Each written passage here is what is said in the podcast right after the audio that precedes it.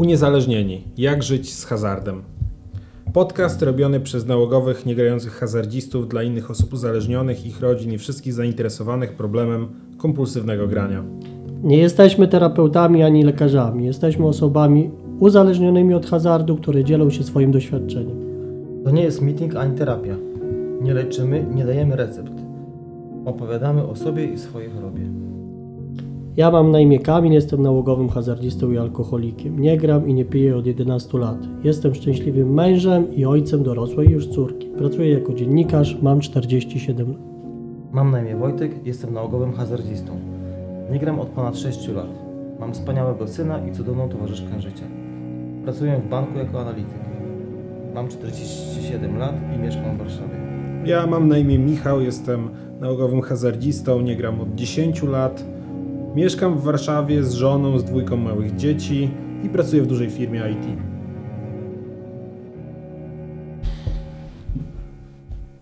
Cześć Kamil, cześć Wojtek. Witajcie. Eee, taki temat dzisiaj. Skąd wiem, że mam problem? E, ja o tym, że mam problem z graniem, uświadomiłem sobie kilkanaście lat temu. Myślę, że to mogło być po raz pierwszy. mm, Chwilę po tym, jak naprawdę zacząłem grać. E, I ten, to, to takie przekonanie utrzymywało się, czasami było silniejsze, czasami było słabsze, ale chciałbym właśnie dzisiaj porozmawiać o tym, e, co takiego sprawiło, że jakby uświadomiłem sobie, że jest to coś, z czym ja muszę coś zrobić, bo inaczej będę się tylko pogrążał. E, I tak wprowadzając, ja mm, zacząłem od obstawiania zakładu, zakładów bukmacherskich zaraz po rozpoczęciu studiów, czyli miałem 19 lat. Obstawiałem zakład u bookmachera. Oprócz tego koledzy ze studiów wprowadzili mnie w świat pokera. E, A oprócz tego z czasem e, zdarzało się też zagrać w kasynie, ale bardziej jako taki przerywnik, bo uważałem, że to nie jest wystarczająco hazardowe, można powiedzieć, tak jak poker czy, czy bookmacherka. E, Kamil? Ty jaki, jaki wybra- jaką truciznę ty sobie wybrałeś? Każdą dostępną. W zasadzie niewiele jest rzeczy chyba, w które nie grałem. Chociaż nie, na giełdzie nie grałem. Na meetingi przychodzi wiele osób teraz, które mają problem z, z tym uzależnieniem, że grały na, na giełdzie. Na to się nie, za, nie załapałem, nie mam e, takiej żyłki chyba e, biznesowej. Natomiast poza tym to grałem we wszystko. Zaczęło się jak byłem jeszcze w szkole podstawowej, w sanatorium. Leczyłem się na swoje inne, uzależ... na, na swoje inne choroby. I tam odkryłem pokera pod kocem. Graliśmy na pieniądze w pokera. Pieniądze, które mi rodzice dali na to, żebym jakoś tam funkcjonował w, ty, w tym sanatorium. To no nie powiem, że przegrywałem, bo nawet wygrywałem wtedy. Ale pamiętam pierwsze przegrane 50 zł. To, to był dramat dla mnie wtedy. I i później była długa przerwa i znowu się zaczęło ten kołowrotek, jak przyjechałem na studia do Warszawy. Bardzo mnie po, pociągały wyścigi na Służewcu. Kolega mnie tam zaprowadził, więc co weekend siedziałem na Służewcu. Później było bingo. Mm, Też odkrycie, jak to, jaka to fajna zabawa i w sumie niedroga, jak mi się wtedy wydawało. Później salony gier, czyli automaty, poker. Y, No i oczywiście y, bukmacherka, no bo skoro jestem dziennikarzem sportowym, znam się na tym, jestem wybitnym fachowcem wręcz, o takie miałem o sobie przekonanie, no to muszę wygrywać. Oczywiście nie udało się. Ale w zasadzie wszystko, co tylko było związane z ryzykiem, z hazardem, z obstawianiem, no to było moje i we wszystko wchodziłem. Wojtek? A ja y, troszkę miałem inaczej. Wychowałem się w mieście średniej wielkości, powyżej 100 tysięcy, y, ale bardzo usportowionym. I interesowałem się od, już miałem kilka lat, y, właściwie każdą dyscypliną sportową. A szczególnie y, bliskie mojemu sercu było żużel, piłka nożna, ale w dalszej kolejności koszykówka, piłka ręczna, piłka wodna. I y, moje pierwsze doświadczenia to było obstawianie w zakładach stacjonarnych, ale to była krótka przygoda, zakończona, a jak żeby inaczej, przegraniem wszystkich pieniędzy, które miałem na to przeznaczone. Natomiast po kilkunastu, właściwie można powiedzieć, po kil- kilkudziesięciu latach Yy, obstawianie wróciło do mnie z taką siłą, że od razu jak zacząłem obstawiać na żywo, to, mm, to się wciągnąłem to w 100%. Także, ale u mnie to było tylko obstawianie. Miałem jakieś epizody z kasynem, ale to nie mogę powiedzieć, że to był hazard. Także głównie obstawianie. Powiem Ci Wojtek, że w tym Twoim mieście, ile to tam, 60-tysięczny? Nie no, 100, 120 tysięcy. 120. No właśnie byłem tam w delegacji i to W tym anonimowym w mieście. tym anonimowym mieście i grałem tam po raz pierwszy w kasynie. Mm. Tam w hotelu, w którym mieszkałem, było kasyno i, i tam, tam się zaczęło moje uzależnienie od salonów. Tam pierwszy raz y, American Poker grałem i, y, i oczywiście nie wiedziałem nawet jak się gra, ale oczywiście grałem i z pasją w oczach. W Twoim mieście. Okej, e, słuchajcie, więc to pytanie, skąd wiem, że mam problem? To jest tak, że jakby u mnie e, problem z hazardem, z uzależnieniem zaszedł daleko, tak? Że ja, mi się wydawało, że moje życie jest w gruzach. Natomiast to nie był pierwszy raz, kiedy ja myślałem, że mam problem. To znaczy e, to, że coś jest nie tak, pojawiało się już kilka razy wcześniej, więc ja tutaj nie chcę jakby zaczynać od takiego momentu, kiedy mówicie, już wszystko było rozwalone, już, już jakby muszę iść na terapię albo zginę, tylko już od pierwszych takich sygnałów e, co, coś jest nie tak. Może takich momentów, kiedy, kiedy już można było coś zrobić, kiedy ten problem był na tyle poważny, że nawet należałoby coś zrobić i co by mogło znacznie jakby ułatwić radzenie sobie z chorobą. Bo dla mnie taki pierwszy moment to było, e, kiedy zrobiłem sobie pierwszy weekend na obstawianie. W sensie zarezerwowałem sobie cały weekend tylko i wyłącznie na obstawianie zakładów bukmacherskich. Może to nie jest dobre określenie, że ja tak zarezerwowałem, ale tak wyszło, że zacząłem e, w sobotę rano rozpisywać wszystkie kupony, a skończyłem e, w niedzielę późnym wieczorem. Ja pamiętam, że wtedy jeszcze było tak, że ten punkt, w którym obstawiałem, był czynny w niedzielę, tam chyba do 14 czy do 15, więc ja wtedy dopiero skończyłem obstawianie i jeszcze 6 godzin czekania, czy tam 9 godzin czekania na ostatnie wyniki, bo ostatni mecz w niedzielę o 23 i więc calutki weekend, ja nic więcej nie robiłem, e, tylko obstawiałem i co gorsza, przegrałem wszystko. Przegrałem absolutnie wszystko tego e, w ten weekend. To nie były wtedy jeszcze dla mnie jakieś tam gigantyczne pieniądze. To był, można powiedzieć, mój miesięczny budżet po prostu, który wtedy stwierdziłem, że zainwestuję. Natomiast wtedy stwierdziłem, że to jest problem, bo po pierwsze przegrałem swój miesięczny budżet, a po drugie dwa dni miałem wyjęte z życia. Jak was? Wiesz co, ja tak się zastanawiam, nie miałem takiego jednego momentu, w którym dotarło do mnie, że, że coś jest nie tak i że ja mam problem i że muszę się leczyć albo, albo coś muszę robić. To raczej był taki proces, że ja powoli jakby się staczałem i, i coraz bardziej do mnie docierało, że, że coś jest nie tak, że jakiś jestem, nie wiem, wybrakowany, że, że coś robię źle, że, że nie potrafię przestać. Pamiętam na przykład, nie wiem, kolejna delegacja do innego miasta 160-tysięcznego. Yy, Zabrałem tam swojego przyjaciela z ławy szkolnej i po pracy zaciągnąłem go do jakiejś maszyny. I on po obstawieniu tam kilku zakładów yy, odrywał mnie wręcz od tego i stwierdził, że już więcej nie chce i nie będzie grał. A ja z, taki, z taką pasją w oczach i z obłędem wręcz y, się trzymałem na- nadal tej, tej maszyny. On poszedł sobie do pokoju hotelowego, ja grałem dalej, tak?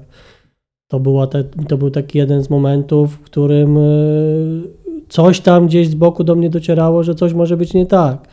Albo moment, jak y, na początku chodziłem, nie wiem, na to bingo ze znajomymi i zapraszałem znajomych na bingo, a w pewnym momencie ci znajomi przestali chodzić, bo ich to już nie interesowało, a ja chodziłem sam.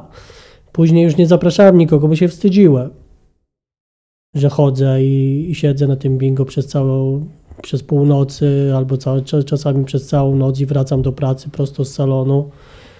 Y, Wychodzę wtedy, kiedy zamykają, więc to też był kolejny sygnał. y, że, że, że no, to chyba nie jest normalne. No, nie wiem, pamiętam jak moja koleżanka spytała mnie, "Ale czemu ty tam chodzisz, skoro ciągle przegrywasz? No nie wiem.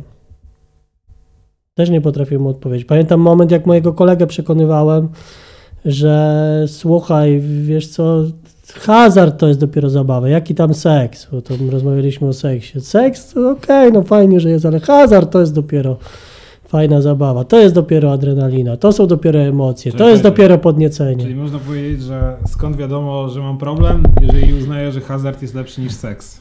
No wido, widocznie dla kogoś tak może być, ale ja wtedy wcale nie myślałem, że, że coś jest A ze mną nie dzisiaj? tak. Jak, jak, jak jest dzisiaj u ciebie? No, drogi mi- Jest jeszcze ten seks? Drogi Michale, seks jeszcze jest, całkiem, całkiem udany, nie, nie narzekam. Hazardu jako gry nie ma, no bo wiadomo, że hazard to jest choroba do końca życia. Natomiast nie gram od tych 11 lat i, i to jest fajne.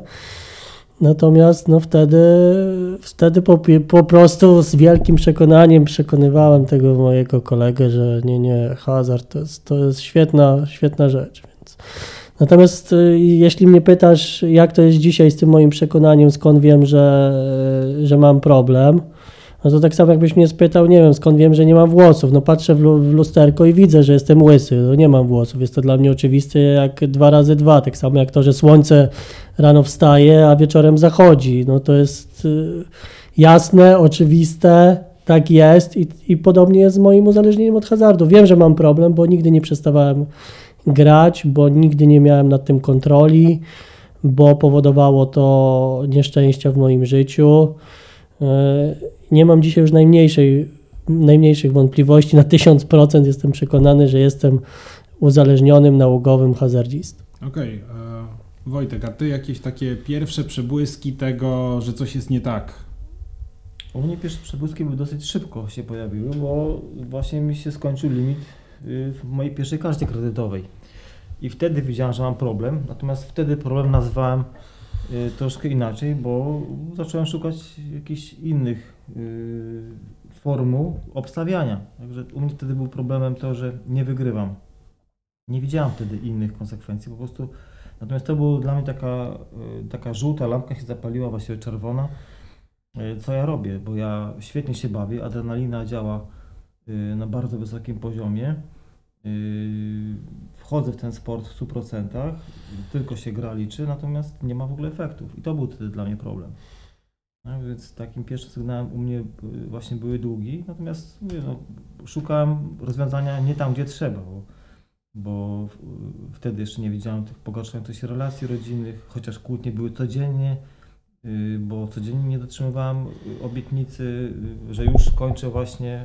Oczywiście partnerka nie wiedziała, że ja gram, tylko że siedzę w internecie, więc codziennie było y, ustalana na przykład godzina, nie wiem, 21.30, że, y, że spotykamy się y, na przykład przy w dużym pokoju, a ja y, cały czas miałem problem z tym, żeby, y, żeby no, skończyć obstawiać w sypialni i przyjść do drugiego pokoju, więc ale tego wtedy nie widziałem. Wtedy głównie widziałem długi.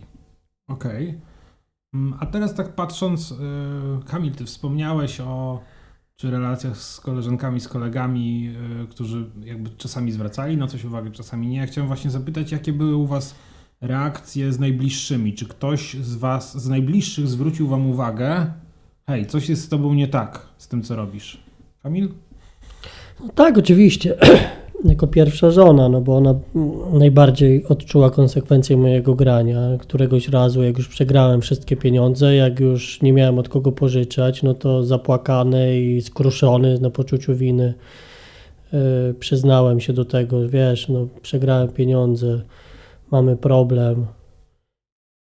Daj mi pieniądze, bo musimy szybko pospłacać długi, bo inaczej wejdzie komornik nam na mieszkanie, nie spłacam rat za, za chałupę, trzeba je spłacić, bo zabiorą nam mieszkanie. No i, i ona już wtedy wiedziała, że jest problem. Yy, Zwracała mi na to wcześniej uwagę. Nie wiem, chociażby ten brycz nieszczęsny, kiedy ja siedziałem wiele godzin zarywając noce Y, Nie miałem z nią żadnego kontaktu. Ona mi próbowała mówić: Słuchaj, to nie tak powinno wyglądać. Nie mam z tobą kontaktu, nie możemy normalnie porozmawiać, funkcjonować. Yy, Zlewasz mnie, w ogóle nie widzisz, że jestem, liczy się tylko dla ciebie granie. No i tak to rzeczywiście było, a ja oczywiście argumentowałem, że nie, no wiesz, przecież to jest hobby takie jeszcze rozwijające, bo to gra w brydża, in- intelektualnie się rozwijam, ćwiczę pamięć, dowartościowuję się, poprawiam swoją reputację jako brydżysta. No przecież to, to takie tłumaczenia, nie wiem, chyba też to mieliście, każdy ma jakieś swoje hobby, ja mam takie. No dobra, no zaczęły się pojawiać y, przegrane i długi, no ale przecież odegram się, nie? Za chwilę będzie, za chwilę będzie wszystko w cacy i w porządku, więc tak, no moja żona zresztą, ona jako pierwsza, mm, jak się zorientowała, że, że ja mam problem, że jestem hazardzistą, czego ja oczywiście do siebie nie dopuszczałem jeszcze, skontaktowała się y, z taką naszą znajomą, która psychologię kończyła i ona mi powiedziała o tym, że są meetingi dla anonimowych hazardzistów. I w ten sposób, niejako przymuszony przez żonę, pierwszy raz polazłem na meeting. Także, także żona. Rodzice nic nie wiedzieli, dlatego że ja wyjechałem ze swojego rodzinnego miasta. Yy, funkcjonowałem tutaj, oni nie wiedzieli, co się dzieje. Przyjeżdżałem do domu, brałem od nich pieniądze. Tłumaczyłem, pamiętam, że a, muszę zainwestować na giełdzie. Nigdy nie grałem na Czyli giełdzie. Jednak, jednak Nie, nie grałem na giełdzie. Nie Była grałem, chociaż- na, była w formie kłamstwa, nie? Bo y, na giełdzie nigdy nie grałem, ale moim rodzicom y, tłumaczyłem, że słuchajcie, dajcie mi jeszcze te parę stówek, bo gram na giełdzie i, muszę zainwestować. Chwilowo nie mam pieniędzy, a ja już wtedy grałem i oszukiwałem rodziców. Chwilowo nie mam. Dla, dla mnie... Słowo chwilowo, nie? Chwilowo, To tak. jest kluczowe tutaj. Też miałem tak, że chwilowo nie było pieniędzy. Wojtek, a u ciebie rodzina, przyjaciele? U mnie właśnie jak zacząłem grać, to yy, praktycznie zaprzestałem spotkań z przyjaciółmi. Yy, kto mi zwracał uwagę? No oczywiście moja partnerka, bo on, tylko że ona wtedy, ponieważ ukrywałem swoją grę przez cały okres grania, przez cały, ponad dwa lata nie wiedziała, że gram, tylko że jestem uzależniony od smartfonu. A ja jej mówiłem, że ja muszę być ciągle na bieżąco z internetem. Ciągle muszę znać wszystkie wiadomości, co, gdzie, kto, jak i kiedy. Yy, I ją to doprowadzało do szału, natomiast ja tego nie widziałem wtedy. Znaczy, widziałem, ale mi to w ogóle nie obchodziło. Tak samo jak yy, wtedy mój syn miał 3 lata i też miałem się nim zajmować. I też mi zwracała uwagę, co ty robisz, yy, bo ja właśnie leżałem, z jednej strony miałem smartfon, z drugiej mój syn sam się bawił. Wszystko robiłem, żeby się sam bawił, no bo ja miałem tutaj ważniejsze sprawy do zrobienia. I to właśnie była moja opieka, więc y, nawet takie zwracanie uwagi, że się źle zajmujesz synem, mm, nie robiło na mnie wrażenia w ogóle. Y, No, tak to wyglądało wtedy. Więc mówię, miałem y, sfera towarzyska ograniczona do zera. To też y, odkryłem, właściwie byłem zszokowany, jak odkryłem ten, ten fakt. Je- Jedynie rozmawiałem przez telefon wtedy. A y, jeśli chodzi o pracę, to, to był taki moment zmiany pracy, więc y, nie dążyłem do jakichś nowych znajomości, po prostu No, to był taki moment u mnie no, dosyć dobry w tym sensie, że pozwalał mojemu nałogowi się rozwijać. Okej. Właśnie ci znajomi, nie? To y, to Wojtek powiedziałeś, że nie miałem znajomych. Myśmy znajomych traktowali jak bankomaty de facto, nie? No przynajmniej ja tak miałem i, i ci znajomi mi dawali sygnały, no bo pożyczałem od nich pieniądze i oni mówili, wiesz, no ale to już kolejny raz pożyczasz pieniądze. Później nie oddawałem tych pieniędzy, y, zaczynały się pretensje, zaczynały się awantury. Y, Jednemu koledze nie oddawałem przez wiele miesięcy, innemu w ogóle człowieka nie znałem, słuchajcie. Był tam, byłem w jakiejś delegacji służbowej i on był naszym współpracownikiem, ale w życiu z nim nie rozmawiałem, a nie miałem za co wrócić do, do domu, bo przegrałem wszystkie pieniądze, do niego poszedłem, pożyczyłem pieniądze i facetowi przez wiele miesięcy nie oddawałem. Yy, No i oni wszyscy już poprzez to dawali mi sygnały, że, że coś z tobą jest chłopie nie tak. Nawet jeżeli nie wiedzieli, że gram, no to mówili, że to jest nie w porządku, że to jest nie fair. No ale ja to robiłem w ten sposób, że jak tylko mogłem, to oddałem jednemu, pożyczałem od drugiego, żeby, żeby był święty spokój. No, natomiast po prostu od tych znajomych to się odcinałem. No, jak coś mi ktoś zwraca uwagę, no to nie był mi potrzebny. No po co miał mi. Do czego mi był znajomy, który mi zwraca uwagę, że mogę mieć z czymś problem, nie? Okej, ja zapytałem was też o to, o to relacje z rodziną, z przyjaciółmi, którzy mogli zwracać uwagę. Zapytałem o to, ponieważ ja sam nie miałem zbyt dużo takich sygnałów. Szczególnie jeżeli chodzi o hazard. Ja miałem sygnały, że coś tam może jest ze mną nie tak, bo ukrywam się, czy też nie chcę się spotykać z ludźmi, natomiast nikt nie wiedział o hazardzie, bo ja się świetnie ukrywałem. I mi się wydaje, że to też jest taka właśnie ważna wskazówka, to ukrywanie. Jeżeli ktoś coś ukrywa, to znaczy, że coś jest nie tak. Ja na przykład mm, ukrywałem granie w ten sposób, że jak spotykałem się z dziewczyną, to po tym jak kładliśmy się do łóżka, ja udawałem, że zasypiam. Ona zasypiała, no bo normalnie ludzie śpią w nocy, a ja, jak ona już zasnęła, się odpalałem kompa i przez całą noc grałem, a następnie jak 10 minut przed jej budzikiem wyłączałem komputer, kładłem się, że niby spałem i ona się budzi, a ja po całej nocy i to ukrywanie... Ale wszystko było ok, nie? Z tobą nie miałeś żadnego problemu Nie no, i byłeś uczciwy i w ogóle Tak. super hiper. no właśnie i, mi się zdaje, że to ukrywanie, to co ty Wojtek też powiedziałeś z tym smartfonem, yy, to też takie, że nie, tutaj nic nie robię, muszę sprawdzić po prostu, nie wiem, kiedy autobus przyjedzie, czy przeczytać jakąś ważną wiadomość, którą dostałem, a w rzeczywistości ten smartfon cały czas yy, i też yy, jeżeli chodzi o to ukrywanie, to mam takie yy, spostrzeżenie, że internet bardzo ułatwił to, żeby ukrywać e, moją grę. Bo czy grałem na komputerze, czy grałem na smartfonie, to było dużo prostsze. Jak zaczynałem i chodziłem do punktów bookmacherskich, no to fizycznie gdzieś byłem. Ktoś, ktoś widział, że coś robię i dodatkowo oddawałem pieniądze. A później w internecie tak naprawdę już można ukryć wszystko. No tak. Wojtek? Tak, właśnie to jest to, że też zauważyłem, że ten, ten cały okres mojego grania to było jedno wielkie kłamstwo i oszustwo.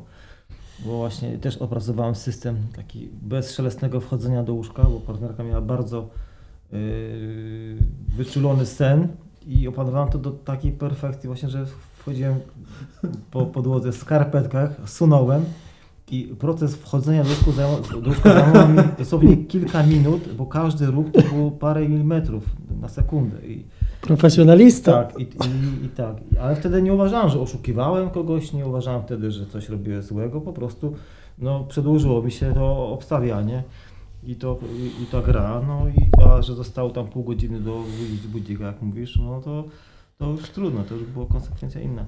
Ale to samo było, ja to, to samo z mówił, miałem podobnie jeśli chodzi o schemat pożyczania. Miałem takiego jednego kolegę, już mam dalej, to kolegę przyjaciela, jednego dociekliwego, jak zaczął się pytać, e, a dlaczego gram, a, a- dlaczego pożyczam pieniądze, bo nie mówiłem, że na grę, to, yy, to mu po prostu pożyczałem od jednego kolegę i go spłacałem, bo nie chciałem, żeby mi ktoś jakieś takie zadawał pytania niewygodne. Czyli nie mówiłeś, że to nagranie. Nie, mówiłem. Yy, Nie mówiłem właśnie, że to nagranie. No, także tak to wyglądało też. Właśnie przyjaciół traktowałem, właśnie tak, tak to Kamil mówił, przyjaciół też traktowałem jak bankomaty i pożyczałem na tyle, yy, pożyczałem, znaczy yy, pożyczałem takie kwoty od nich, żebym nie miał od nich pytań, tak? że to był ich jakby taki limit, yy, że no, to były ich pieniądze. Czyli znowu chodzi, o, Tak. chodzi tutaj Chodzi o ukrywanie prawdy, ukrywanie. tak? No bo Ukrywanie. Ukrywanie prawdy i ukrywanie się, tak? tak. To miałem też to samo, to wchodzenie po cichu do łóżka, no to przecież po tym brydżu, po tej nocy spędzonej, no żona usypiała, ja starałem się jej nie budzić. Ale tak sobie teraz uświadomiłem, że wychodziłem z hukiem za to. Mhm. Czyli po kłótni, którą sam prowokowałem, trzaskałem drzwiami, wychodziłem, żeby pójść sobie pograć, a wracałem po cichu. Żeby broń Boże nie obudzić, żeby nie zobaczyła, której wróciłem, w jakim jestem stanie, że nie mam pieniędzy, że jestem kompletnie pijany. Yy, I to było na paluszkach, albo jeszcze gorzej, na przykład jak wracałem, żeby wykraść kartę, bo nie miałem już na grę za swoje i były takie sytuacje, że po cichutku wracałem, sprawdzałem czy śpi i kradłem jej kartę. E, Wstyd się przyznać, no ale tak było, nie? To też z tym mi się skojarzyło, z tym co powiedziałeś, że wychodzenie takie, kiedy mówiłem na przykład, że wychodzę, bo idę coś tam. I na przykład jadę do biblioteki, żeby się uczyć. Nie jechałem do biblioteki, żeby się uczyć. Albo muszę zostać dłużej w pracy, bo coś tam. A tak naprawdę, jak wszyscy wychodzili z biura, no to ja mogłem 4 godziny sobie jeszcze posiedzieć i w ciszy, w spokoju, w klimatyzacji pograć sobie w pokera. Bonus. Szef myśli, że siedzę po godzinach. Mam spokój. Generalnie win-win. No, Ja też często pamiętam, odbieram telefony już będąc w samochodzie, jadąc do domu, ale już zatrzymuję się na jakimś tam parkingu pod domem. Pytanie właśnie, kiedy wrócisz, do, kiedy wrócisz z pracy? Ja mówię, no już za chwilkę wychodzę. No i, I siedziałem, dopóki starczało się baterii w dwóch smartfonach, bo ja grałem na dwóch smartfonach, żeby, żeby właśnie mieć y, ten dłu- dłuższy czas bez ładowania. Okej, y, teraz ja i, i ty Wojtek powiedzieliśmy o tym czasie, o tym Mhm. ekstra czasie i chciałem teraz o coś takiego zapytać, no bo jedną z takich jakby najłatwiej mierzalnych rzeczy, którą się traci w hazardzie, to są pieniądze. Ja przegrywałem dużo pieniędzy. Ty przegrywałeś Kamil jakieś pieniądze? Nie pamiętam. Wojtek? Od Też pierwszego pewnie. dnia. Od pierwszego dnia. Dokładnie, więc wiele osób kojarzy ten hazard z przegrywaniem pieniędzy i w tym upatruje jakby największy problem. Ja pamiętam, że dla mnie największym problemem było kiedyś to, że właśnie przegrywałem pieniądze. Natomiast ja chciałem zapytać o inną rzecz, którą się przegrywa, czyli tą stratę czasu. Ja w najgorszym momencie, to co opowiadałem wam, że w nocy czekałem aż moja dziewczyna zaśnie i wtedy grałem w nocy, to, to ja grałem w nocy te 5-6 godzin, w ciągu dnia grałem kolejne 5-6 godzin, plus do tego weekendy. Czyli mi wychodziło tak naprawdę kilkanaście godzin dziennie grania. A oprócz tego dbanie o siebie, czyli jedzenie, jakaś higiena, oprócz tego praca, oprócz tego y, relacje z ludźmi, oprócz tego sen, no na to już nie było czasu. I dla mnie to taki, ten, tak, takie ważne wskazanie, że jest problem ze mną, jest taki, że ja nie miałem czasu na nic. Tak naprawdę nie mogłem niczemu innemu w swoim życiu poświęcić wystarczająco dużo czasu. Kamil, jak z twoim czasem? No Wiesz, paradoksalnie to ja tak znowu dużo czasu na to granie nie traciłem, jak teraz patrzę na to z perspektywy czasu, a propos. E, Bo ja jak tylko miałem jakiekolwiek pieniądze, to szedłem, grałem i przegrywałem. Jak mogłem gdzieś pożyczyć, wyciągnąć, yy, wyłudzić, to to robiłem i przegrywałem. Ja bardzo szybko przegrywałem i nie miałem pieniędzy. Było często tak, że miałem wypłatę, szedłem do kasyna, przegrałem pieniądze i, i przez ileś tam dni nie grałem, no bo nie miałem za co. Już możliwość y, pożyczki się wyczerpała i, i był teoretycznie czas bez grania, a w praktyce to były cały czas snute plany, co zrobię, jak będę miał pieniądze, jak będę grał, jaki system zastosuję, y, myślenie o tym, snucie takich wizji, jak to będzie, jak będę bogaty. No i, i dochodzi jeszcze do tego gra nie stricte hazardowa, czy, bo nie związana z przegrywaniem pieniędzy, ale ten brycz nieszczęsny, który y, jakby rekompensował mi ten brak emocji związany z, z tym, że nie mam na hazard, nie? więc siedziałem godzinami po prostu przy tym komputerze. Żona, y, żona była smutna, miała do mnie pretensje, ja zarywałem noce, wstawałem niewyspany do pracy. y, zawalałem obowiązki, jak, mia, jak miałem te pieniądze, szedłem do kasyna, no to też zawalałem obowiązki w pracy, nie? Natomiast fakt jest taki, że bardzo szybko przegrywałem, więc niestety moje granie nie było zbyt długie, chociaż marzyłem, żeby jak najdłużej się przy tym stole utrzymać. W końcowej fazie mojego grania, jak już szedłem, to gdzieś tam z tyłu głowy miałem tylko takie marzenie, kurczę, wygrać na początku, żeby jak najdłużej przy tych automatach i przy tym stole jeszcze się utrzymać żeby sobie pograć. Nie, no już już nie miałeś złudzeń, że coś wygrasz, tylko po prostu jak najdłużej. mogłem się oszukiwać, że, że mam takie złudzenia, ale tak naprawdę to ja chciałem tylko wygrać na początku jak najwięcej, żeby jak najdłużej pograć i czuć tę adrenalinę, czuć te emocje, bo tak naprawdę po to tam łaziłem, żeby uciec od siebie, od obowiązków, od problemów, od swojego wizerunku, z którym się nie zgadzałem i który mi się nie podobał. I, żeby czuć te emocje, a tak naprawdę, żeby nie czuć niczego. Nie czuć wyrzutów sumienia, nie czuć wstydu. No, u mnie to y, troszkę inaczej. Pamiętam siebie z tego okresu, to zadawałem sobie tylko jedno pytanie. Co zrobić, żeby jak najdłużej grać? I to był mój cel w życiu. I y, ponieważ gra była najważniejsza, emocje i adrenalina miała być cały czas, więc y, codziennie było zadawane po kilkanaście razy, zadawałem sobie pytanie, co zrobić, jak skrócić ten czas y, dojeżdżania do pracy, jak skrócić w ogóle czas pracy, właśnie co zrobić, żeby w pracy grać, co zrobić, żeby w domu grać, co zrobić, żeby w nocy grać. Y, Na końcu dochodziło do tego, że spałem godzinę i, to były moje wyrzuty sumienia, że śpię za długo. No bo już tam w Australii i w Azji. Że tę godzinę to za psy- długo, tak? Tak, już, tak, że godzina snu to za długo. Psy biegają. Psy biegają, w Australii już krykiet, na którym się w ogóle nie znam, już jest, y, albo siatkówka się zaczęła właśnie w Korei, także to były moje problemy. Tak, ja, ja, A zaczynałeś grać jako fachowiec. tak. I obstawiałeś to, potem na się- czym się rzeczywiście znałeś, a Tak. skończyłeś na psach i na krykiecie, tak? Tak, dlatego, że stwierdziłem, że skoro... Zszedłeś idzie- na psy, można tak, powiedzieć, skoro, żartobliwie. Skoro mi nie idzie w dyscyplinach, które znam, więc będę obstawiał to, czego nie znam, żeby nie mieć tego, tej naleciałości yy, informacyjnej. Tak? No tak, tak to wyglądało. Także to tak, czy u mnie czas to, yy, to, był, to było zawsze pytanie, dlaczego tak dużo czasu zajmujemy inne czynności życiowe. I skracam to do maksimum. Ja byłem wkurzony na przykład, czemu te wyścigi na Służewcu są tylko w weekendy i tam Mhm. chyba w środę było okazjonalnie. Jakby były codziennie, to byłoby super. No. Nawet jak nie miałbym czasu, to i tak bym tam chodził. Tylko, że ja nie miałem za co chodzić, no i to był problem. Słuchajcie, e, to tak trochę już zbierza, zbie, spływając do brzegu. E, taki pierwszy moment, kiedy ja jakby stanąłem przed, e, przed takim obrazem, że chyba jestem hazardzistą, to był kiedy ja zrobiłem test 20 pytań. Test 20 pytań hazardzisty, czyli odpowiedź tak, nie na 20 kolejnych pytań. Ja pamiętam, że jak znalazłem ten test w internecie i zrobiłem go, bo wydawało mi się, że może jakiś coś tam jest. I zrobiłem ten test. To pierwsza rzecz to była taka, że chyba coś jest nie tak z tym testem. Bo ja jestem. No tak, też pytania są tendencyjne, tak? Tak, tak, bo y, mi się cały czas wydawało, że tak wszyscy mają. Że to, co ja robię, bo obracają się w gronie ludzi, którzy grają na przykład w pokera, albo w gronie ludzi, którzy na przykład obstawiają u bookmacherów.